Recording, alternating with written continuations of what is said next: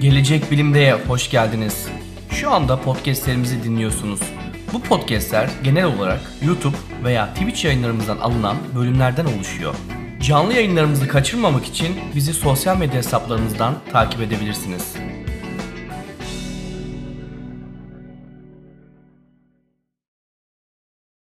Merhaba sevgili bilimseverler. Bugünkü Discord yayınımıza yazılım alanında çalışan Ali Göl ve Burak Yüksel'i konuk alıyoruz. Öncelikle konuklarımızı tanıyalım. Ali Hocam, kendinizi tanıtabilir misiniz? Merhaba, ben Ali Göl. Ee, yaklaşık 10 yıldır yazılım alanında profesyonel olarak çalışmaktayım. Sektörde aktif olarak. Onun öncesinde de e, lisede ve üniversitede kendi projelerim üzerinde çalışıyordum. An itibariyle Estonya'da Microsoft'ta yazılım mühendisi olarak çalışıyorum. Ee, Selamlar. Genel olarak, Pardon. Ee, selamlar. Ben de Burak. Ee, benim o kadar 10 yıllık bir tecrübem olmasa da benim 1 yıllık profesyonel bir tecrübem var. Şu anda da bilgisayar mühendisi 3. sınıfım. Ee, ben de Türkiye'de yaşayıp e, çalışmaya çalışan bir yazılım mühendisiyim. Bugün asıl konumuz aslında Ali Göl bize Microsoft'tan e, katılıyor ve bize güzel tecrübelerini aktaracak. Abi şeyden başlamak istiyorum. Yazılım, şu anki konumuz yazılım ya. En başta bizim için yazılım nedir? Yazılım dediğimiz şey nedir? Yazılım, yazılımcılık esasında kod yazmaktan çok daha farklı bir dünya. Yani yazılımcı olmak e, dediğimiz o kişinin işi kod yazmak değil esasında problem çözmek. Ve bu e, hayatımızın her noktasında var olan bir şey aslında. E, çok klasik bir örnek verilir. E, üniversitelerde algoritma derslerinde veya lisede e, işte ankesörlü telefondan arama yapmanın algoritması nedir gibisinden. İşte ilk önce kartını sokarsın telefona sonra numarayı çevirirsin ama akabinde sistem şey kartında bakiye var mı yok mu onu kontrol eder vesaire. Bu şekilde e, önünüzde bir problem vardır ve bu problemi e, çözecek bir takım aşamalar vardır. E, bunların bütününe aslında biz e, algoritma ve e, problem e, çözme diyoruz. E, yani yazılım dediğimiz şey esasında kod yazmaktan ibaret diye bunu anlatmaya çalışıyorum. Yani herkes problem çözüyor. Yani normal hayatında herkes problem çözüyor ve bunu bir şekilde e, halletmeye çalışıyor. Bizim yazılımdan kastımız da bunu koda dökerek belli bir spesifik programı kod yazarak çözebilmek değil mi? Bizim hayatta uyguladığımız aynı çözümleri sadece kodla yaptığımız şekilde yazılım diyoruz. Bu tanım doğru olur mu sence?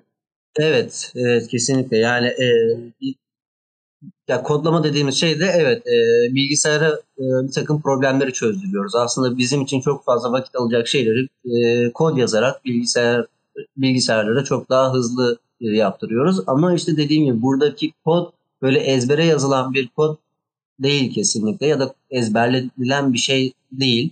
Tabii ki bilmeniz gereken bir takım ön bilgiler var. Nasıl ki matematikte formüller varsa, fizikte formüller varsa ama ezbere hiçbir matematik problemini çözemiyorsanız yazılımda aynen o şekilde. Üzerine düşün, düşünerek kod yazmanız gereken bir alan. Ee, peki herkes sorun çözebilir mi bu konuda emin değiliz. Fakat yani bu konu bununla birlikte şöyle bir şey geliyoruz. Pardon. Ee, bizim olayımız problem çözmek ise herkes de benim bildiğim hayatta kalabilmek için problem çözebilir. Bunu şuna bağlayabilir miyiz? O zaman herkes yazılımcı olabilir mi? Herkes problem çözebiliyorsa.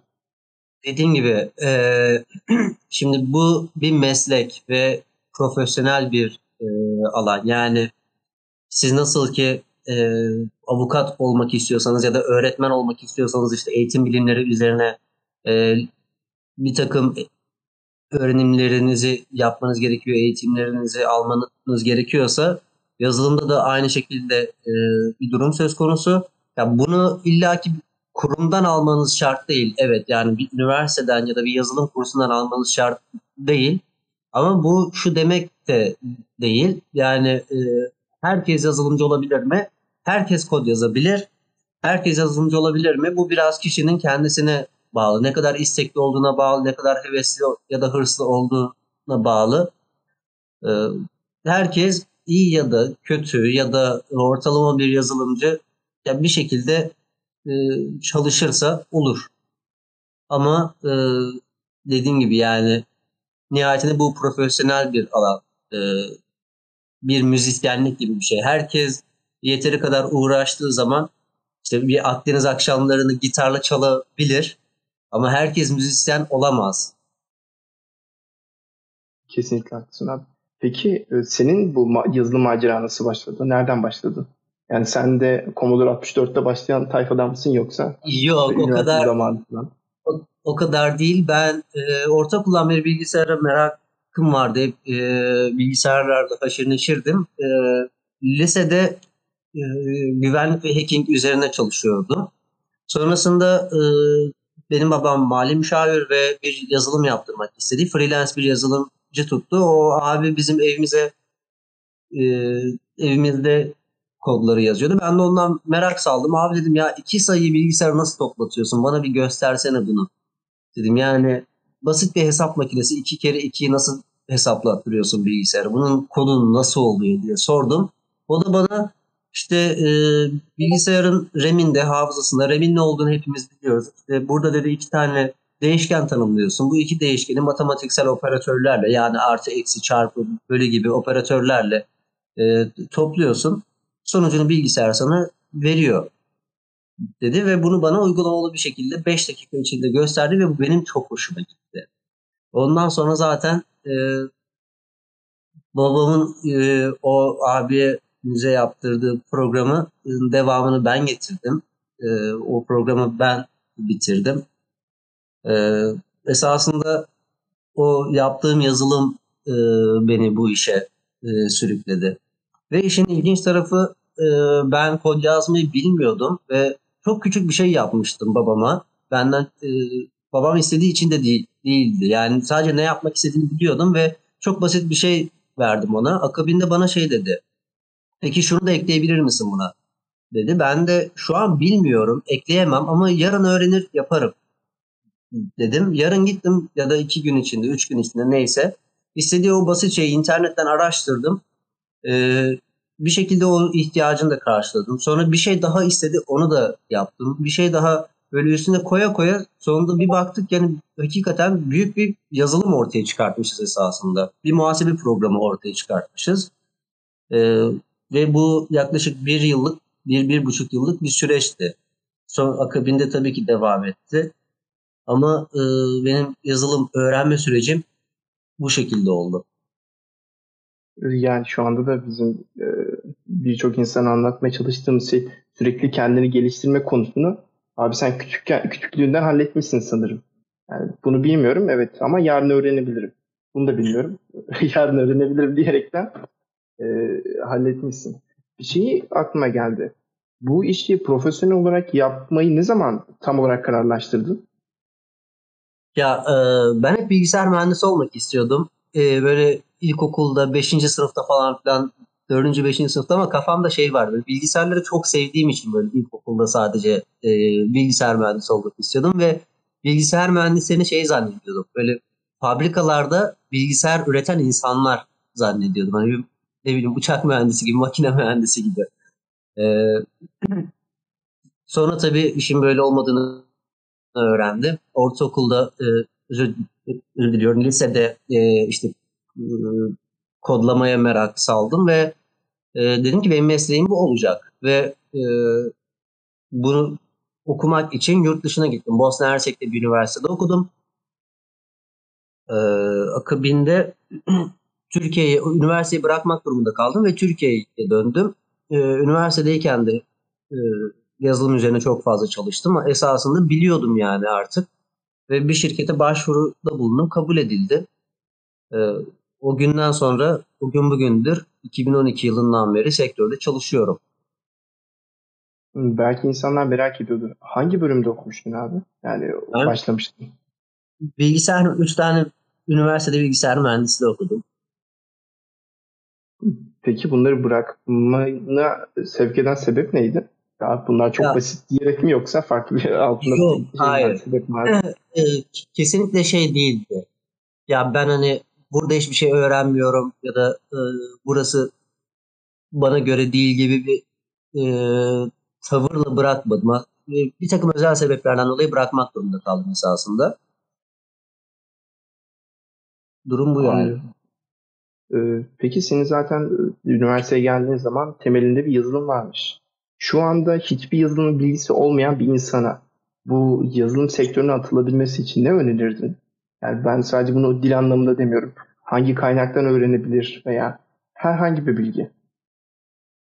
Şimdi kaynak konusunda e, ya açıkçası ben e, bu soruyu biraz şey buluyorum. Yani e, şöyle ben nasıl başlayabilirim diye soran bir insanı çok da samimi bulamıyorum. Nedenini soracak olursa yani internette internet gibi bir nimetiniz vardı. Benim zamanımda ben başladığımda internetim yoktu.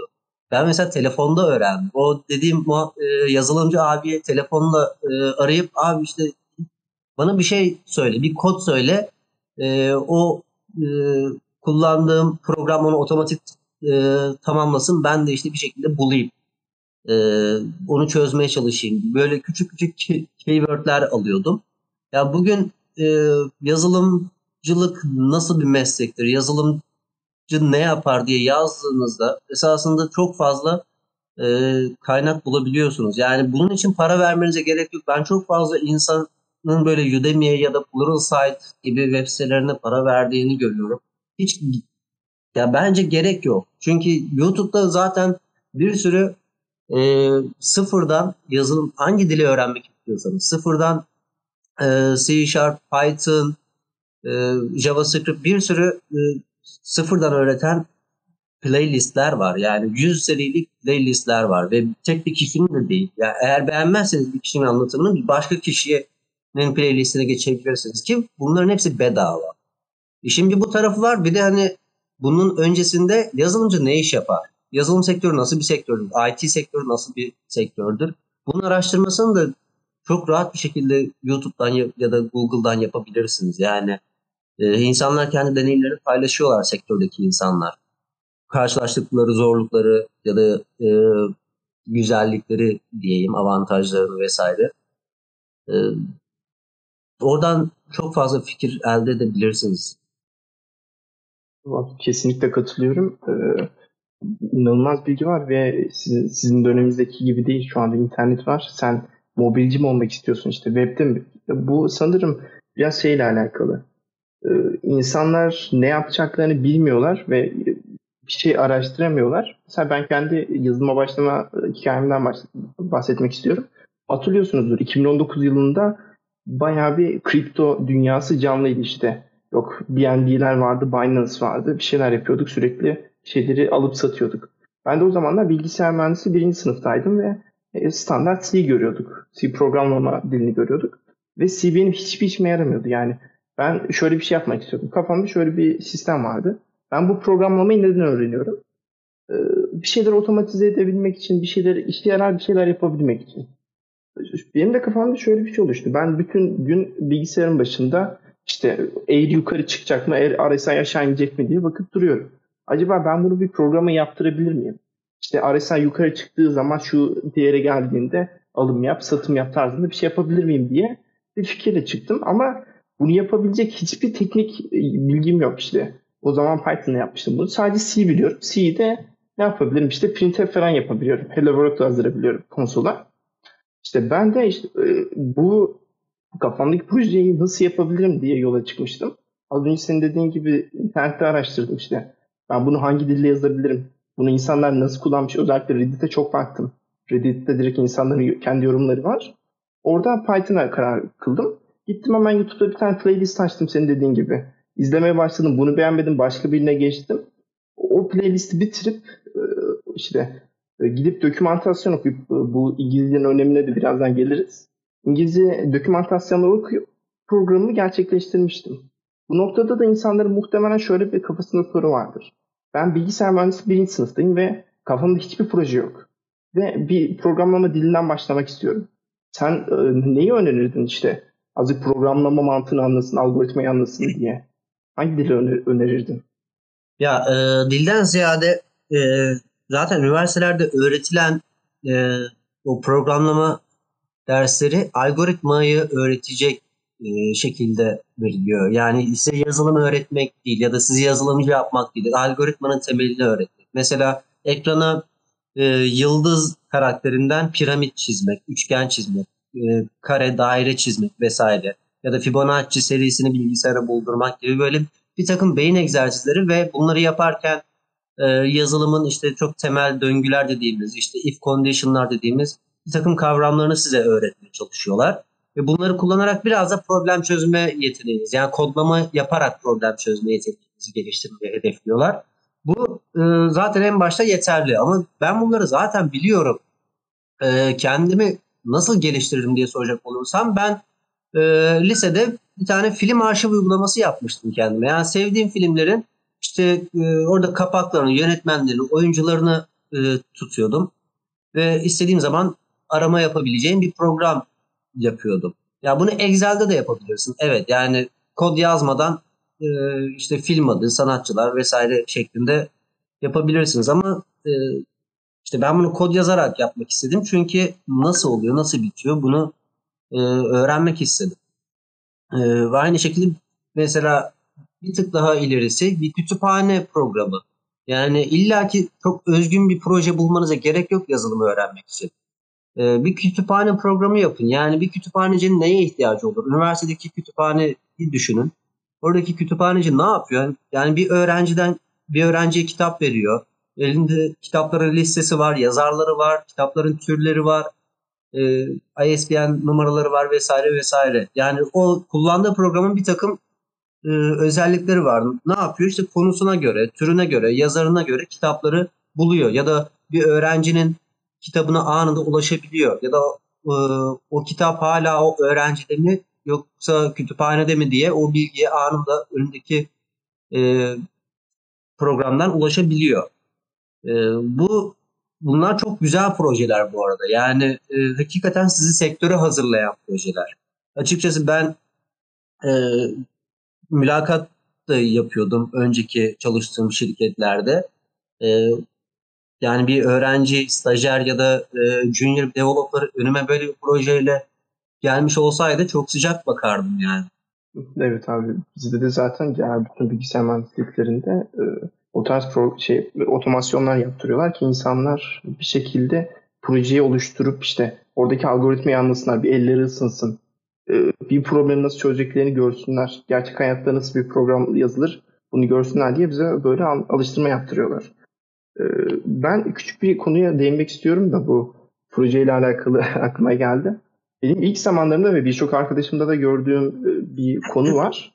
İnsanlar programlama öğrenmeye çalıştıkları zaman gidip bir video izlemeyi veya sadece dokümantasyon okuyup e, kodu öğrenebileceğini, kod yazmayı öğrenebileceklerini düşünüyorlar.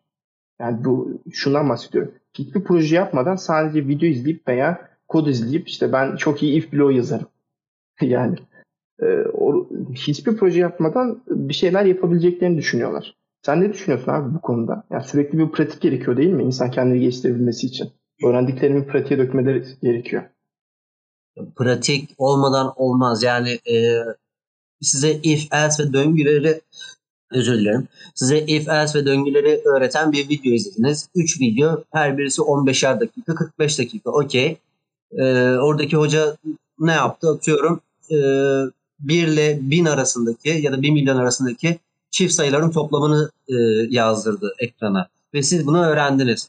Siz de ne yapacaksınız? İşte e, 1 ile 1000 arasındaki asal sayıları toplamını yazdıran bir program yapacaksınız. Ve bunu e, internette bakmadan oradan öğrendiklerinize kendiniz yazmanız gerekiyor ki hani nasıl ki bir ma- matematikte hocalar önce konu anlatımı yapar, akabinde kitaptan sorular çözer, sonra siz test çözersiniz.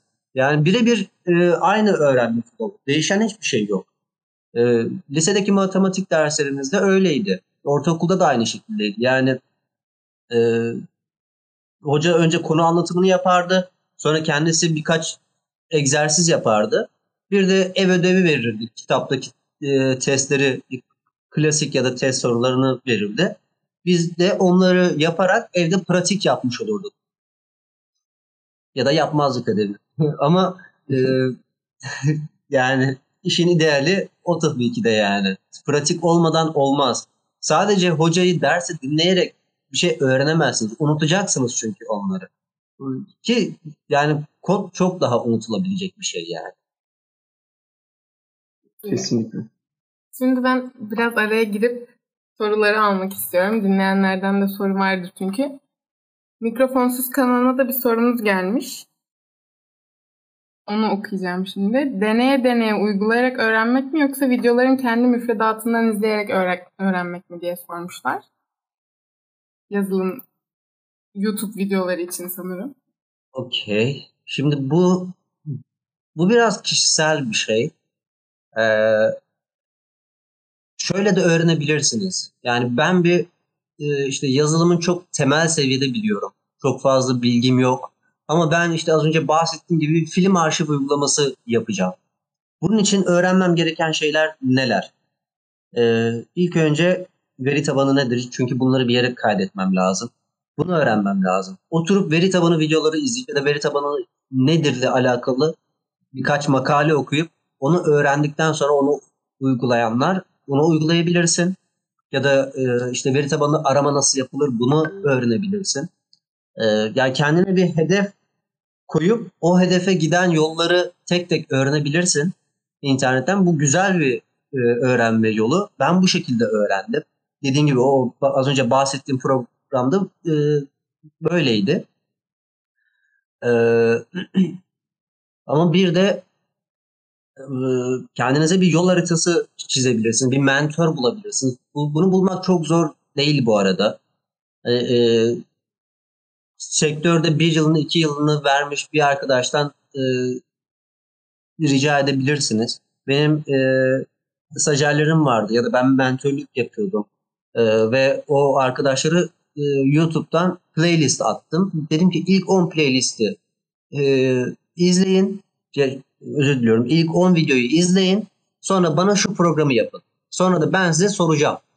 Ee, bu kodu neden yazdın? Neden böyle yazdın? Daha iyisini yazamaz mıydın? Sence burada ne gibi sorunlar oluşabilir vesaire? Bunun üzerine tartışacağız.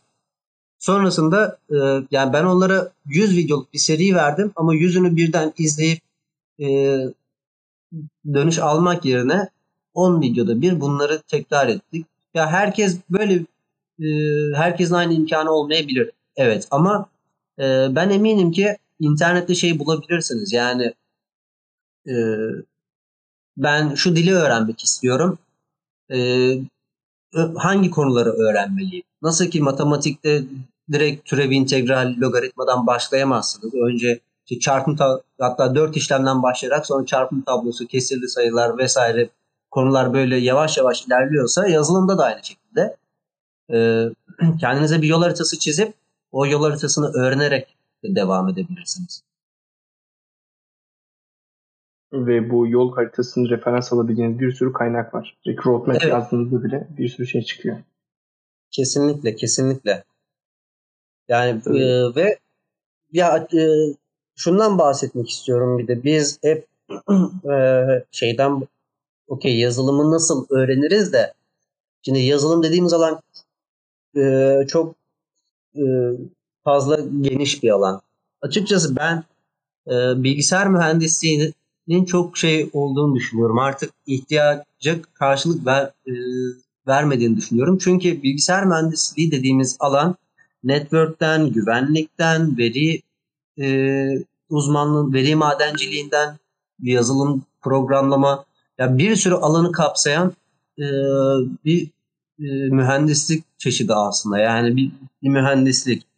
E, ve öğrenciler öğrencilerin kafasında ister istemez çok büyük bir karmaşa var. Ben e, web programlamacı mı olsam, mobil programlamacı mı olsam, e, backendçi mi olsam, frontendçi mi olsam, ya bunun bir sürü alanı var.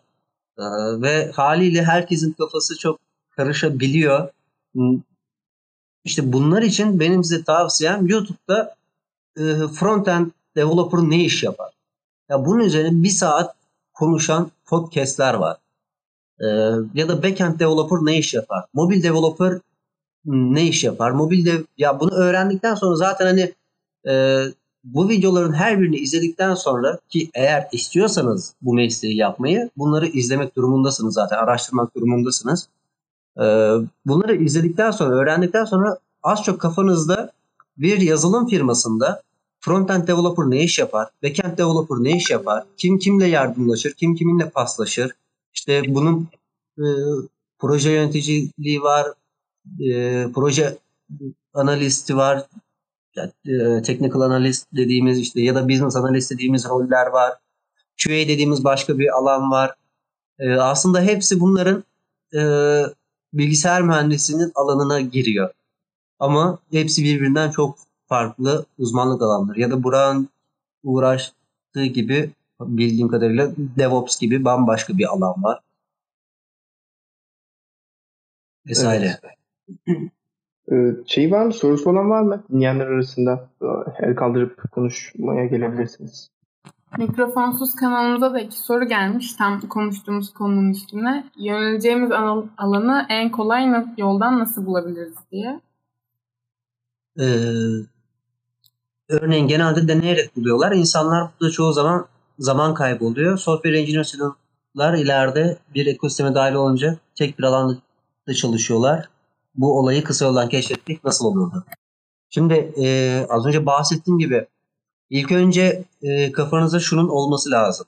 Şimdi ben size şey diyemem. Frontend developer olun, mobil developer olun ya da backend seçin gibi bir şey zaten diyemem. Ya da hangi yazılım dili seçeceğiniz zaten e, onu da yolunuz üzerinde siz keşfedeceksiniz. Ama az önce bahsettiğim gibi e, önce kafanızda bir yazılım şirketinde hangi roller var? Ee, yani bir yazılım şirketi nasıl çalışır? İşte e, bir projeye başlayacağız ya da var olan bir projede bir özellik ekleyeceğiz o yazılıma. Şimdi buradaki süreçler nasıl işliyor? Şimdi bunun proje yöneticisi var. Analist ilk önce bunun analizini çıkartıyor. Ne gibi adımlar gerekiyor? Ne gibi iş süreçleri var? Örneğin bir muhasebe programı yapacaksınız ama siz muhasebeci değilsiniz. Muhasebe kanunlarını bilemiyorsunuz. Maliyet den bir habersiniz tabii ki de. Bunu size anlatacak birileri illaki var. Bu kişileri business analyst diyoruz. Sonra bunun tasarımını front-end developerlar yapıyor. Back-end developerlar bunun arka planda kodunu yazıyor. Bir tarafta mobil uygulama mobil developerlar var. Onlar da backendçilerin yazdığı kod, kodları çağırıyorlar vesaire. İçeride böyle bir süreç var.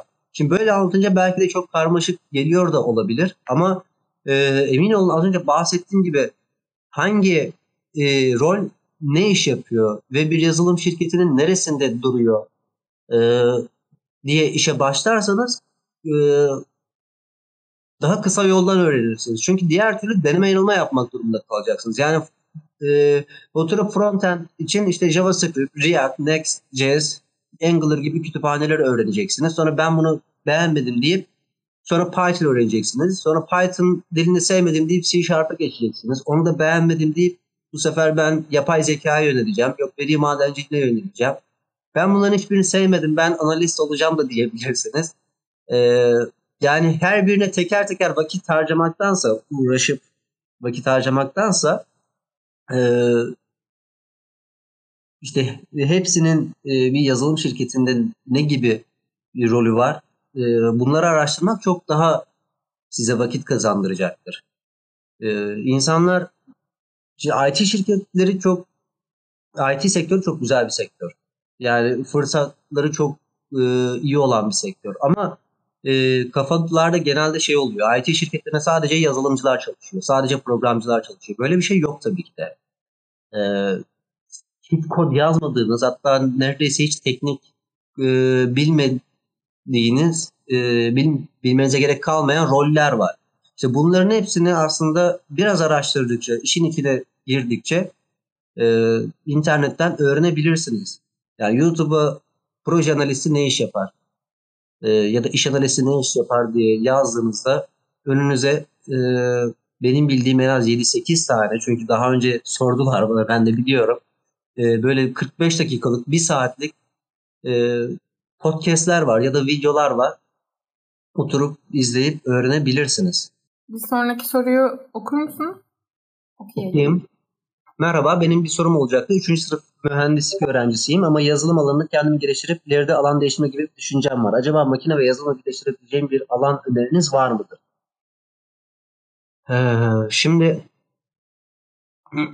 alan değiştirmekten kastın nasıl bir alana geçeceksin bilmiyorum ama e, yazılım ve makine mühendisliği birbiriyle iç içe olan ya yazılım daha doğrusu birçok alanla iç içe olan bir e, alan. Yani e, çünkü yani yazılımın olmadığı, e, kodlamanın olmadığı bir e, şey yok, bir sektör yok neredeyse. Fabrikadan tutun da, tekstil fabrikasından tutun da işte uçak mühendisliğine kadar her yerde neredeyse yazılım var. E, yazılımı bir makine mühendisiyle nerede birleştirebilirsin? Ya genelde e, makinalarda ya da işte robot diyebileceğimiz endüstriyel e, robotlarda kullanılan işte C var, C++ gibi biraz daha low level diyebileceğimiz diller var. Eğer çok fazla ilgini çekiyorsa hem makine mühendisliği hem de yazılım e, kodlama bunları yönlenebilirsin. Mekatronik. El, el kaldıranlar da var da sen onları da alabilir misin? Evet gönderdim ama sorunu alabiliriz. İkisi bir. Mikrofonu kapalı. Hoş geldin. Mikrofonun kapalı. Ses gelmiyor ama. Defne seni duyamıyorum. alakalı problem var. Ee, istersen diğer arkadaşı da alalım. Evet, diğer arkadaşı alalım o arada. Aldım. Geliyor. Evet. Merhaba. Köpten hoş geldin. Sorunu alabiliriz. Seni duymakta biraz zorlanıyoruz. Anlayabiliriz. Bir dakika ben bir mikrofon ayarı yapsam bir iki dakika sonra tekrar katılsam. Şu an Şu okey. Şu an okey. Okey mi? Anladım. Evet, Ee, evet. İyi akşamlar öncelikle. Teşekkür ederim böyle bir oturma düzenlediğiniz için. Ee, ben Ali Bey'e şey sormak istiyordum. Ee, İlk deneyim, iş deneyim nasıldı? Bu süreci psikolojik olarak, gerek psikolojik olarak, gerek e, teknik olarak nasıl yönetti? Deneyimlerini bizlerle paylaşabilir mi acaba? İlk iş deneyimim nasıldı? Neler yaşandı süreçte? Ee, ya iş hayatı bence yazılımdan bağımsız olarak çok daha e, apayrı e, konuşulması gereken bir alan. Yani iş hayatına ilk defa atılan bir insanın tecrübesi ve e, o, o bambaşka bir konu. Bir yazılımcı olarak ben e, yazılım e, alanında tabii ki bilgim vardı. İşte üniversitede geliştirmiştim kendimi vesaire. Bir şirkete başvuruda bulundum. Onlar da bana geri dönüş yaptılar. Sonra teknik mülakata çağırdılar. Böyle çok uzman birini aramıyorlardı tabii ki. Ben de o kadar uzman değildim zaten. Ee, sordukları sorulara makul e, kendimce mantıklı bulduğum cevaplar verdim ve onlar da kabul ettiler. Ee, bu bir web yazılım şirketiydi. O zamanlar e, böyle ne iş yapıyordu diye soracak olursan kurumsal web siteleri yapan bir yazılım şirketiydi. İşte hastanelere vesaire e, web siteleri yapıyorduk. E, çok fazla böyle hani bugünkü gibi spesifik yazılımlar o zaman e, benim sektöre başladığım zaman da çok şey değildi, hype değildi bugünkü gibi. Daha çok böyle e, hatta yazılım evi diye bir kavram vardı. Gidip yazılım yaptırıyordunuz böyle. E, ben orada ne gibi e, sorunlar yaşadım ya da şöyle e, yaşa, başıma gelen en güzel şeylerden birisi çok genç bir ekip vardı orada. E, neredeyse herkes benimle aynı yaştaydı ya da benden birkaç yaş büyüklerdi. Yine ben en küçüktüm ama benden bir yaş büyüktü herkes ve öyle çok şey problemi olmuyordu. Küçük de bir şirketti bu arada. 10-15 kişilik bir şirketti. E, ekibin yaş ortalamasının e, küçük olması benim için çok büyük bir avantajdı. Öyle kendimi baskı altında hissetmiyordum. Ve e, çok güzel kaynaştık kendileriyle. O arkadaşlarla hala e, görüşüyorum bugün. Teknik olarak ne gibi sorunlar yaşadım? E, elbette daha önce hiç kurumsal bir projede bulunmadığım için e, sorunlar yaşadım da şimdi somut olarak aklıma ne geliyor? Örneğin e, ya yanlışlıkla bir web sitesini sildiğimi hatırlıyorum bir gün. Ya da dosyaları kaybetmişiz. Yani o proje yok. Ee, artık ben mi sildim, başkası mı sildi bilmiyorum. Ee, ama proje yok. ve e, ya patrona bunu nasıl açıklayacağımı e, böyle bilemedim. Zaten hani 21 yaşında daha e, çok gencim ve ilk iş tecrübem biraz böyle terlediğimi hatırlıyorum orada. Orada 3-4 yıldır çalışan bir arkadaş vardı. Benden de e, 3 yaş büyüktü. Gidip ona açtım konuyu. E, dedim ki hani gidelim beraber söyleyelim. O da yardımcı oldu. Çok da problem olmadı e, akabinde. Tekrar kodları bir şekilde e, geri çevirdik ve oradan e, geri dönüş yaptık. İlk e, çalıştığınız şirkette kendinizi çok fazla baskı altında hissetmeniz ya da e, çok stresli olmanız çok doğal bir, bir şey. Ama bunu herkesin yaşadığını ve e, orada çalışanların ya da yöneticinizin de bu durumun farkında olduğunu sizin de farkında olmanız gerekiyor yani. O yüzden çok da kendinizi şey yapmayın. E, baskı altında ya da e, strese sokmayın. Verebileceğim Çok tavsiye. teşekkür ederim. Ee, bir soru daha sorabilir miyim? Sonra müsaade isteyebilirim. Tabii buyur. Ee, ilk işe girdiğinizdeki bilgi birikiminiz e, nasıldı? Kendinizi nasıl bir konumda gördünüz?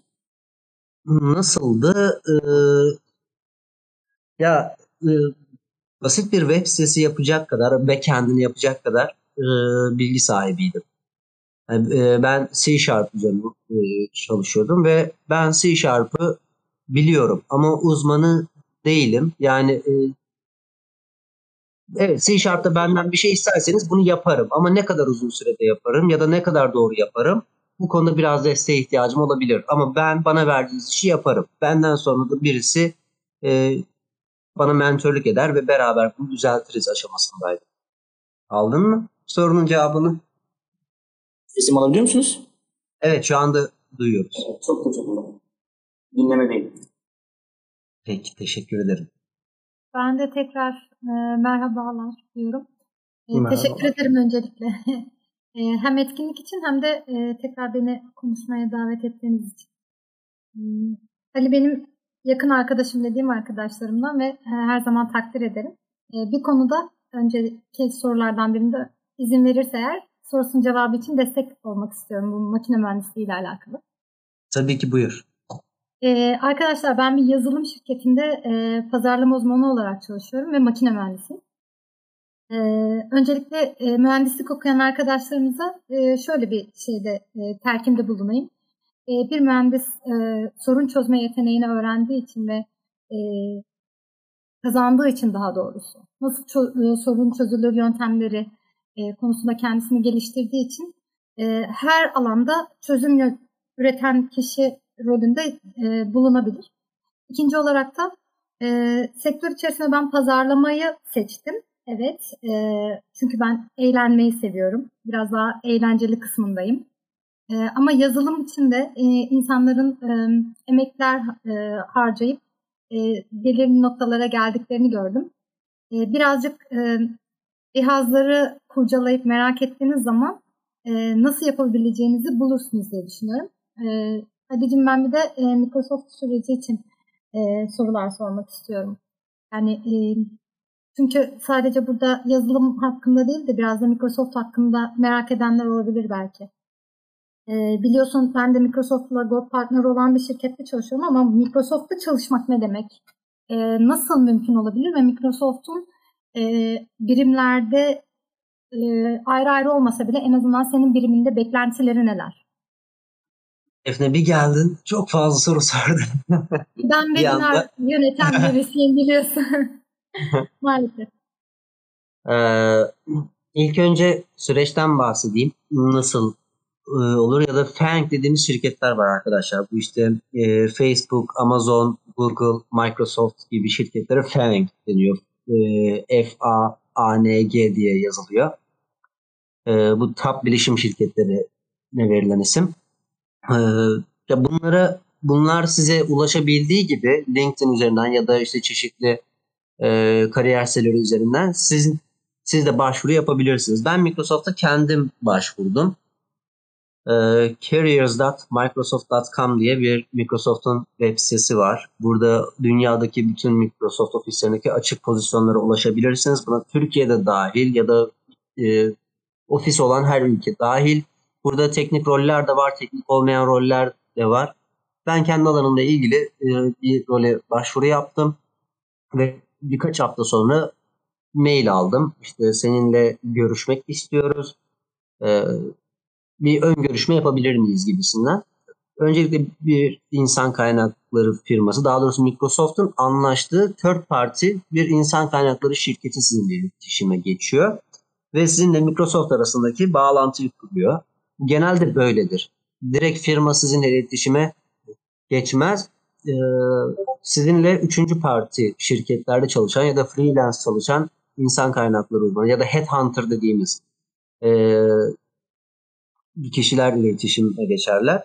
Onlar e, sizin CV'nizi alır. Sizinle az çok böyle bir 10 dakika, 15 dakika çok fazla olmayacak derecede. Çünkü gün bir gün içerisinde e, onlarca kişiyle kişiyle görüşüyorlar. E, sizinle görüştükten sonra aldığı bilgileri, feedbackini ve sizin CV'nizi firmaya iletir. Firmada karar verir. Ben bu kişiyle teknik mülakat yapacağım ya da yapmayacağım şeklinde. Benim mülakatıma, teknik mülakatıma e, şöyle oldu. Toplamda e, bir gün içinde dört farklı konuda dört farklı kişiyle dört saat süren bir mülakat sürecim oldu. E, dört farklı konu algoritma ve veri yapılarıyla alakalı. Data structure ve algoritm, software e, design, system design, e, soft skills dediğimiz e, işte son e, en klişe örneklerinden işte son işinizden neden ayrıldınız ya da bize patronunuzla yaşadığınız bir anlaşmazlığı anlatır mısınız gibi sorularda maruz kaldığınız bir session var. Diğerleri daha teknik e, konular oluyor. E, bunun akabinde size bir teklif yapıyorlar ya da yapmıyorlar. E, teklif yaparlarsa da bu teklif akabinde bir pazarlık süreciniz oluyor. Size kalmış, inisiyatifinize kalmış. Onu da kabul ettikten sonra e, süreç bu şekilde devam ediyor. Peki Microsoft'un beklentileri neler bir yazılım mühendisinden? E, bu seviyenize göre değişir. Bir senior developersanız işte e, insanları da yönlendirmenizi beklerler ya da bir süreci baştan sona sizin takip etmenizi beklerler. Ee, ya da software engineer'sanız bir projeyi ya da bir e, feature'ı alıp baştan sona sorunsuz bir şekilde teslim etmenizi beklerler. Baştan sona sorunsuz bir şekildeden kastım şu. Siz kodunuzu yazıyorsunuz zaten ve bunu e, 15-20 kişi review ediyor sizden sonra. Yani benim en son e, attığım PR'a yüzün üstünde e, comment atılmıştı. E, bayağı ilk başta demoralize olmuştum. Ama e, bu çok tatlı bir şey. Daha önce e, çalışma hayatımda yaşamadığım deneyim. Yani benim yazdığım bir kodu daha önce hiç bu kadar insan üstüne bu kadar düşünerek tartışmamıştı. E, çok güzel bir deneyimdi. E, yani öyle çok aman aman e, şeyler de beklemiyorlar açıkçası. Bu fen şirketlerini gözünüzde bence çok da büyütmeyin ya da büyük şirketleri. Ee, ben bugüne kadar sektörde ne iş yapıyorsam, ne kod yazıyorsam şu anda da onu yazıyorum. Sadece benim yazdığım koda biraz daha fazla yorum yapıyorlar. Beni daha fazla yönlendiriyorlar. Ee, ben de onların yönlendirdiği doğrultuda kendimi iyileştiriyorum. Ee, bu açıkçası. Teşekkür ederim. Bir soru, soru daha sorabilir miyim? Tabii ki. Tabii ki. Şimdi e, bir de şu var. E, insanların özellikle buradaki e, katılımcı dinleyici e, arkadaşlarımızın biraz daha e, meslek hayatına giriş yapma aşamasında olduğunu fark ettiğim için söylüyorum.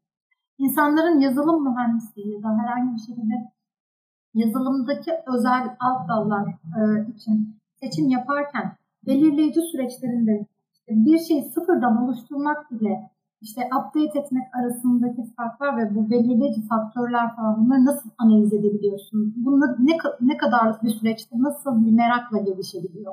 Ben senin özelinde bunu sormak istiyorum. Özür dilerim ama e, bir ses sorunu yaşadım. Özür dilerim ben de o zaman. Sorun değil.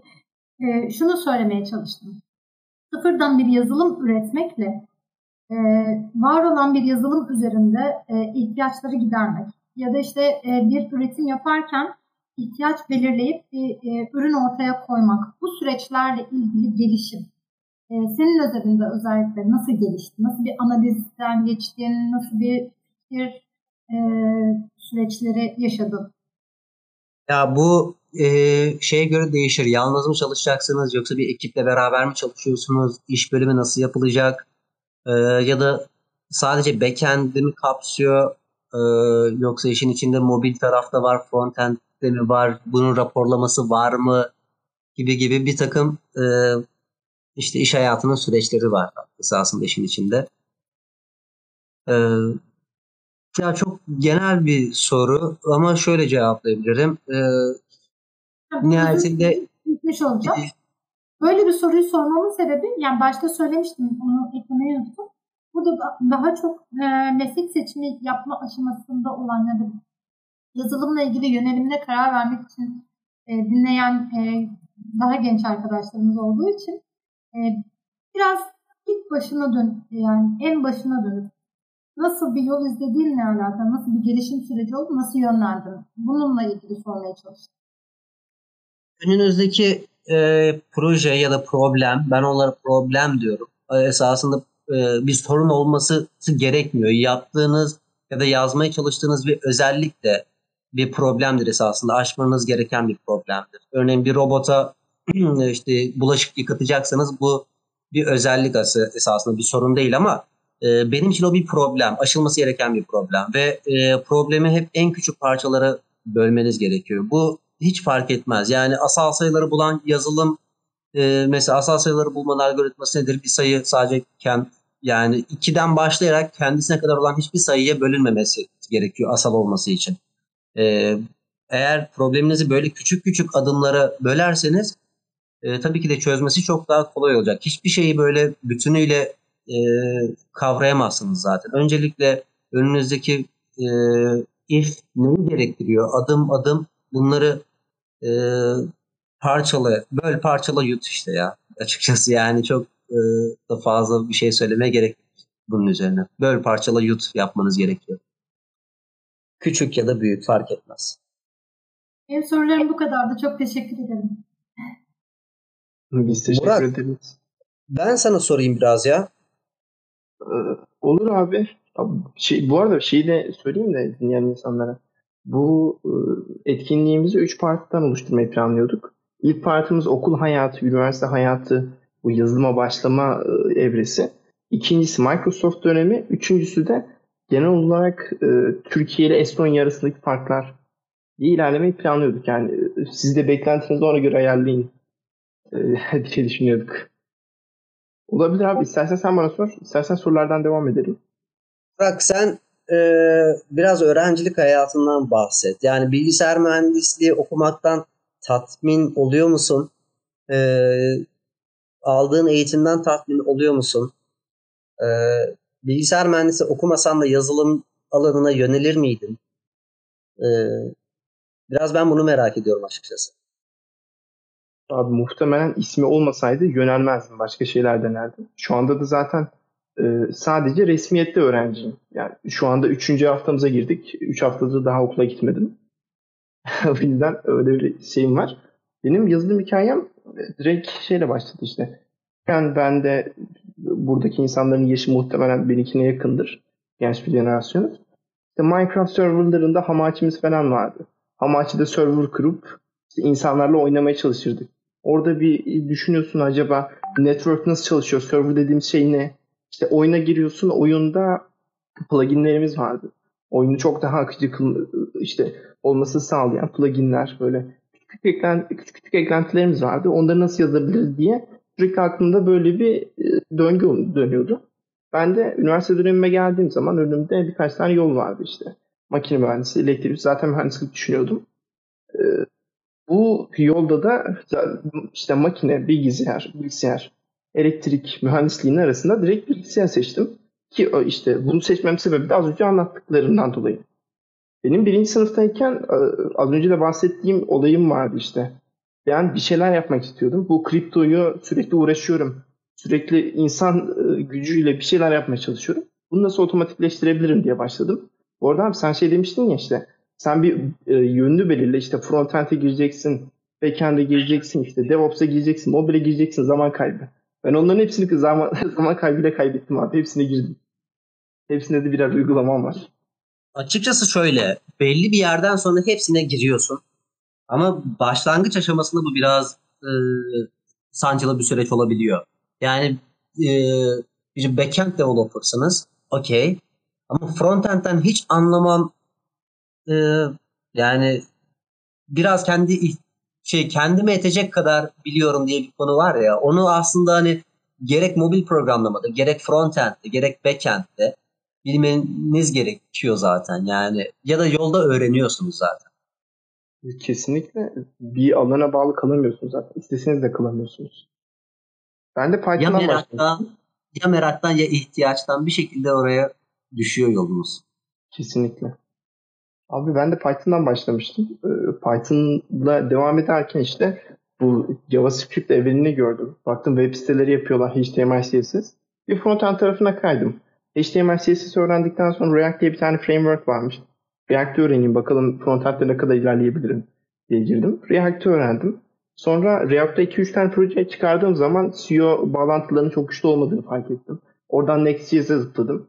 Sonra baktım frontend o kadar da eğlenceli değilmiş. Bari backend'e geçeyim dedim. Oradan Express'e girdim. Şu anda Nest çalışıyorum. Sonra baktım buralarda çok eğlenceli değil. Ya biraz da DevOps'a gireyim dedim. Şu anda da DevOps yolundayım. Buradan da her an sıkılıp başka bir yere geçebilirim. Daha iki yılım evet. daha var. yani teknik olarak işi e, ya o teknik bakış açısını bir şekilde kazanınca e, dedin ya mesela Minecraft server mesela yani e, Minecraft nasıl çalışıyor? Yani biz kullanıcı adımızı, şifremizi yazıyoruz, sisteme giriş yapıyoruz. Orada işte bizim e, diğer oyuncuların e, takip edebiliyorum. Onları nasıl görebiliyorum vesaire. Burada bir network alışverişi var ve aynı zamanda bir yazılım var.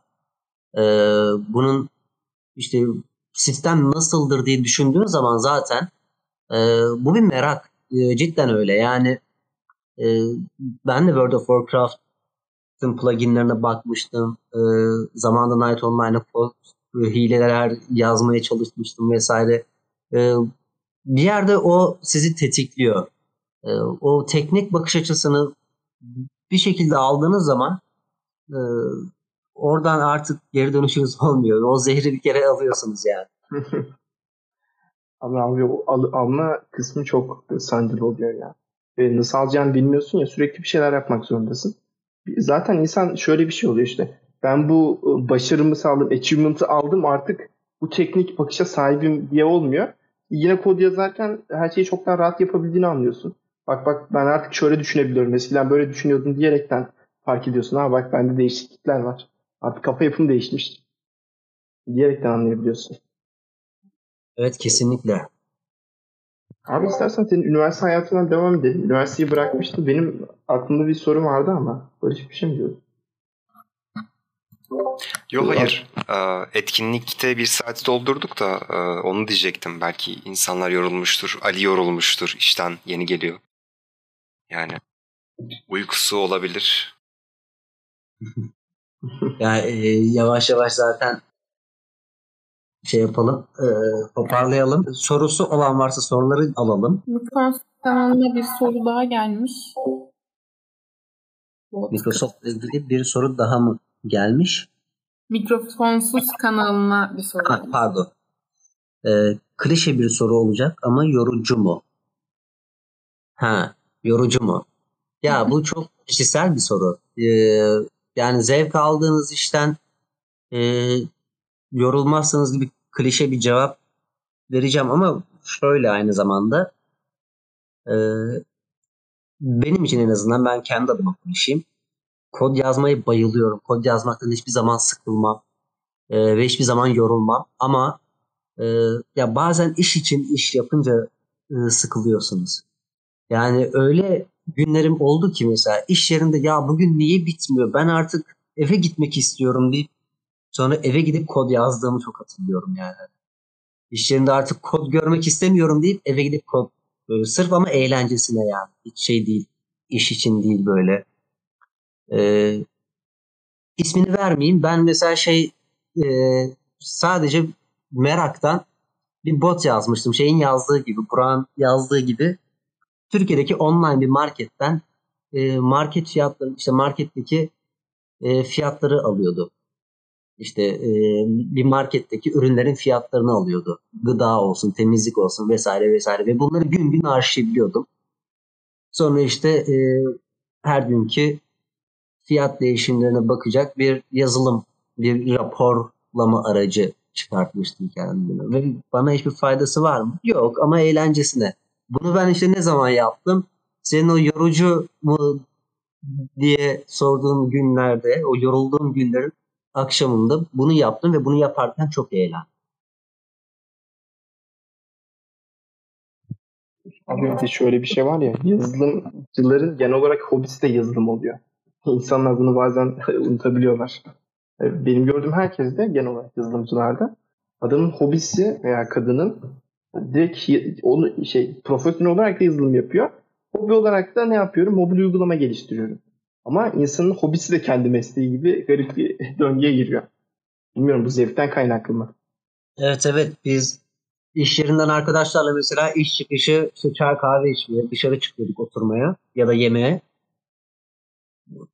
Orada da yazılım konuşuyoruz. Orada da iş yani iş konuşuluyor gibi ama iş konuşulmuyor ya yazılım yani işle ilgili yazılım değil ama. Yani bir astrofizikçinin ya da işte bir profesörün kendi alanı ile ilgili e, işte o, o gün çalıştığı teori değil ama işte eğlencesine böyle kendi aralarında çevirdikleri sohbet gibi. Evet abi kesinlikle. Bir de birkaç tane daha soru var sanırım. Benim de şu alaylı yazılımcılıkla alakalı sorularım var da gerçekten merak ediyorum bunları. 2-3 ee, ben onları bir sorabilir miyim abi sana? Tabii ki.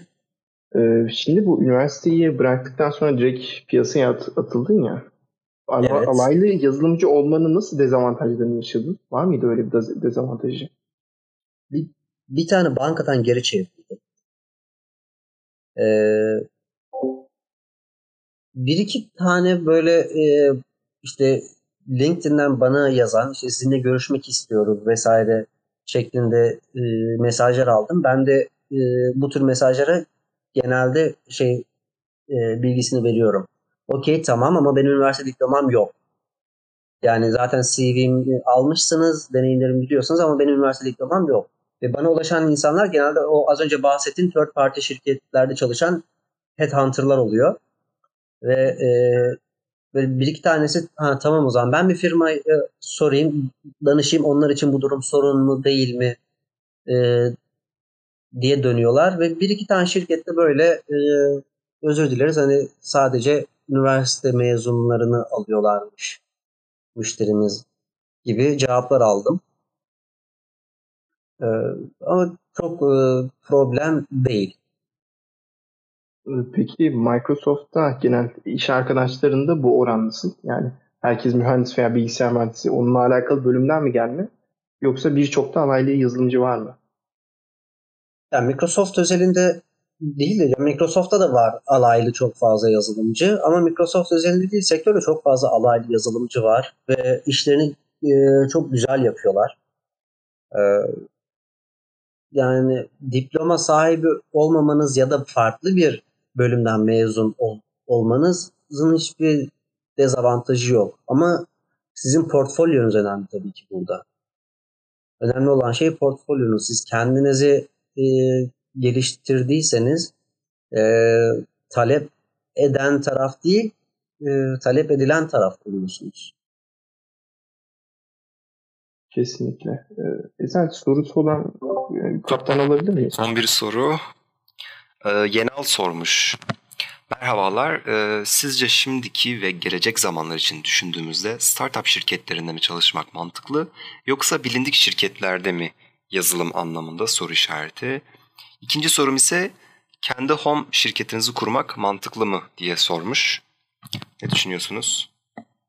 Şimdi ya benim canım okey. Ee, şöyle cevap vereyim bu soruya. Ee, startup şirketleri oldukça dinamik şirketler ee, ve bence sektöre yeni başlayan arkadaşlar için çok e, güzel fırsatlar var. Neden diye soracak olursanız e, kurumsal büyük şirketlerde çok fazla legacy işler var. Yani legacy işlerden kastım çok fazla böyle eski teknolojilerle yapılan işler var. Ve startuplar genelde yeni kuruldukları için en yeni teknolojilerin kurulu olduğu, e, en yeni teknolojilerin kullanıldığı şirketler oluyorlar. Ve e, sizi de buna adapte ediyorlar. Daha yoğun bir çalışma temposu var startuplarda. E, genel olarak konuşursak. Hepsi belki aynı değildir tabii ki ama genel olarak startuplarda daha fazla çalışırsınız. Daha fazla mesai yaparsınız. Ama bunun size geri dönüşü e, bilgi ve tecrübe olarak geri döner. Ben genç yaşlardaki arkadaşların startuplarda çalışmasını açıkçası e, mantıklı buluyorum. Çünkü işi en kolay, en hızlı ve böyle hani şeyinde ocağında oralarda öğrenebilirsiniz. Diğer şirketlerde çok fazla bürokrasi dönüyor çünkü kurumsal şirketlerde. Yani e, bir özellik çıkacaksınız işte o ona soruyor, oradan onay geliyor, bir sürü süreçler araya giriyor ve siz çok fazla öyle kendinizi geliştirebilecek bir ortamda bulamıyorsunuz. Ama e, startup bir şirkette yöneticinize e, ya abi baksana şunu hemen iki dakikada halledelim ben burada takıldım deyip hemen sizi kendisini çevirip böyle e, sizinle bir 15-20 dakika o konuyu e, hemen halledebileceğiniz bir ortam var startuplarda. Böyle çevik bir süreç var. Bu yeni başlayan arkadaşlar için ki ben yeni başlayan arkadaşlar enerjisinin de çok yüksek olması gerektiğini düşünüyorum bu arada. E, o zaten zamanla azalıyor. Siz de yoruluyorsunuz ya da artık e, biraz ağırlaşıyorsunuz diyeyim. O eski enerjiniz kalmıyor. E, haliyle 10 yıldan 15 yıldan sonra o enerjiniz kalmayacak. Dolayısıyla bence startuplar çok güzel. Değerlendirilmeli ama bir yere kadar. Bir yerden sonra artık e, o beklentinize göre değişir. Bir yere kadardan kastım e, bir yerden sonra startuplarda durmayın değil. Biraz beklentiyle alakalı. İkinci soru, kendi home şirketimizi kurmak mantıklı mı? Ya bu da çok kişisel bir soru esasında. Yani projene, fikrine ne kadar güveniyorsun? Ne kadar e, özgün ya da bunun pazarlamasının en önemli şey pazarlama. Yani herkes benim bir fikrim var diye çıkıyor. Günde 10 kişi bir ara beni arıyordu. Benim bir fikrim var diye. Ama önemli olan o değil. Yani bir proje yaparsınız, kodunu yazarsınız önemli değil. Onun pazar araştırmasını yaptınız mı? Satış pazarlamasını planladınız mı? e, operasyonel işler ne kadar lazım bunları karşılayabilecek network'ünüz var mı vesaire. Bunlar çok daha önemli konular açıkçası. Maalesef artık son sorumuzu da aldık. Etkinliğimizin sonuna gelmiş bulunuyoruz. Ağzınıza sağlık. Çok teşekkür ederiz katıldığınız için. Zaman ayırdınız. Ben dinleyen herkese çok teşekkür ediyorum. Gelecek Bilim'de ekibine de bu etkinliği düzenlediği için çok teşekkürler. Biz de teşekkür ederiz. Geldiğiniz için teşekkürler arkadaşlar. Hoşçakalın. Görüşmek üzere. Bizi bu zamana kadar dinlediğiniz ve vaktinizi ayırdığınız için teşekkür ediyoruz. Gelecek Bilim'de takipçileri bizler için çok değerli. Bizler bilim iletişimini yaymaya çalışan 40'a yakın gönüllüyüz. Siz de bize katılmak isterseniz birlikte.gelecekbilimde.net adresinden başvuruda bulunabilirsiniz. Sevgiyle kalın, hoşça kalın.